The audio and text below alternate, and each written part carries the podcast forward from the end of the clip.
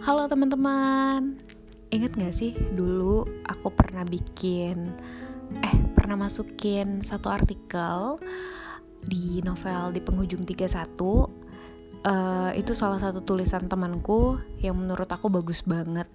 Karena waktu pertama kali baca tulisan ini aku tuh ngerasa kayak wah bener juga ya kita harus menghargai diri sendiri nih apalagi sebagai seorang perempuan. Nah uh, ini aku coba untuk bacain artikelnya. Mungkin ada beberapa yang belum baca novelnya. Uh, kebetulan juga aku lagi ngedit novelnya.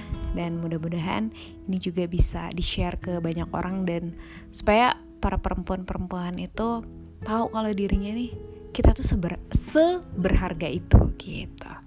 Coba ya aku bacain ya. Wanita itu seperti buah apel. Menurut saya, hubungan antar manusia itu seperti apel dan pemetiknya. Jadi seperti ini. Di sebuah pohon apel, tentu ada apel yang terawat matang atau gagal matang. Ia terkapar di tanah. Ada juga apel yang indah dan matang. Ia tergantung di bagian teratas pohon apel itu. Nah, asumsikan yang menjadi pengambil apel itu para pria dan apel adalah wanita. Pekerjaan mengambil apel itu dibanggakan oleh para pria. Ada dua tipe pengambil apel pengambil apel pertama yang mengambil apel tak peduli bagaimana apelnya. Walau apelnya terkapar di tanah, kalau masih terlihat indah, ambil saja. Toh masih apel dan tidak terlalu tersayat-sayat rupanya. Mengambil apel ini mengambil apel dengan kondisi apa pun. Untuk menjaga statusnya sebagai pengambil apel yang notabene sangat dihargai di lingkungannya. Status men, daripada nggak dapat apel, Ambil aja yang di tanah, asal mulus. Yang penting bisa dinikmati untuk sementara. Dipegang, digenggam, ditunjukkan ke pengambil apel lainnya. Toh nanti akan ada apel yang beda lagi.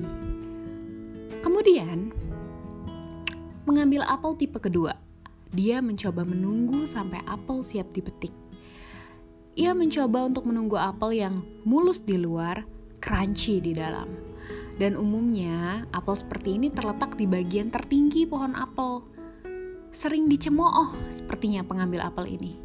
Terkadang ia sering diejek sebagai pemetik jeruk karena harus berusaha mengambil apel yang ada di atas sana dan mencoba menghindari godaan untuk mengambil apel yang tepat ada di kakinya. Pengambil apel ini berusaha untuk mengambil satu apel terbaik. Satu apel daripada mempermainkan apel yang sudah jatuh lebih baik berusaha untuk yang terbaik. Itu adalah prinsipnya. Kembali ke apel. Di suatu musim tertentu, ada beberapa apel yang menjatuhkan diri ke tanah karena melihat pengambil apel yang ia sukai atau hanya untuk sekedar mendapatkan status. Ada juga yang di tanah karena sudah di tanah, entah karena menjatuhkan diri atau dibuang oleh pemetik sebelumnya. Lalu diambillah apel-apel itu oleh pengambil apel tipe pertama apel jenis ini tidak peduli apa kata teman-temannya. Yang penting dia sudah diambil oleh si pengambil apel. Berstatus. Terkadang apel ini rela diperjualbelikan. Beda pedagang setiap hari atau setiap bulan atau setiap tiga bulan. Ayo apel apel, ujar pedagang satu dengan yang lainnya. Atau, wah Aku lihat kamu sama apel yang baru di toko sebelah sana. Apel baru ya? Iya nih, apel baru. Cantik kan apel saya yang ini? Di waktu yang sama, apel yang terletak di bagian atas bingung. Setahu dirinya, dia indah luar dalam. Apa yang salah? Mengapa para pengambil apel memilih yang sudah jatuh di bawah? Kemudian, apel ini mencoba mengubah dirinya tapi sadarlah apel yang di atas sana.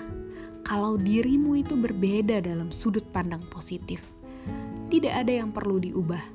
Tinggal menunggu pengambil apel tipe kedua yang rela dicemooh dan diejek si pemetik jeruk. Jika suatu hari kalian bertemu, kalian pasti akan bersama.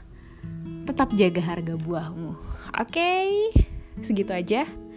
Maaf nih kalau ngomongnya agak-agak gimana gitu ya karena ini sekali baca doang karena aku suka banget artikel ini tulisan ini dari GLJ teman aku dan ya dia emang jenius sih anaknya ya mudah-mudahan uh, apa ya bisa membuat kita yang misalnya kan sekarang banyak banget yang ngerasa aduh kok aku belum punya pacar ya?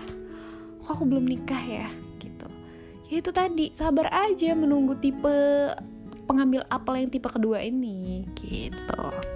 Ya udah deh itu aja. Nanti kalau misalnya ada sesuatu yang uh, menurut aku bagus lagi aku akan bikin video kayak gini. Walaupun aku nggak bisa ngedit ya sih sebenarnya. Ya udahlah aku masuk masukin aja lah ya Oke terima kasih teman-teman semuanya. Um, Mudah-mudahan tahun 2020 di penghujung satu dua satu Eh di penghujung tiga satunya bisa segera cetak. Kok di penghujung dua satu ya? Masih mudah banget. Jadi uh, aku lagi mengedit ini udah sampai bab 10 Mudah-mudahan bisa cetak di tahun ini. Didoain semuanya ya. Oke Terima kasih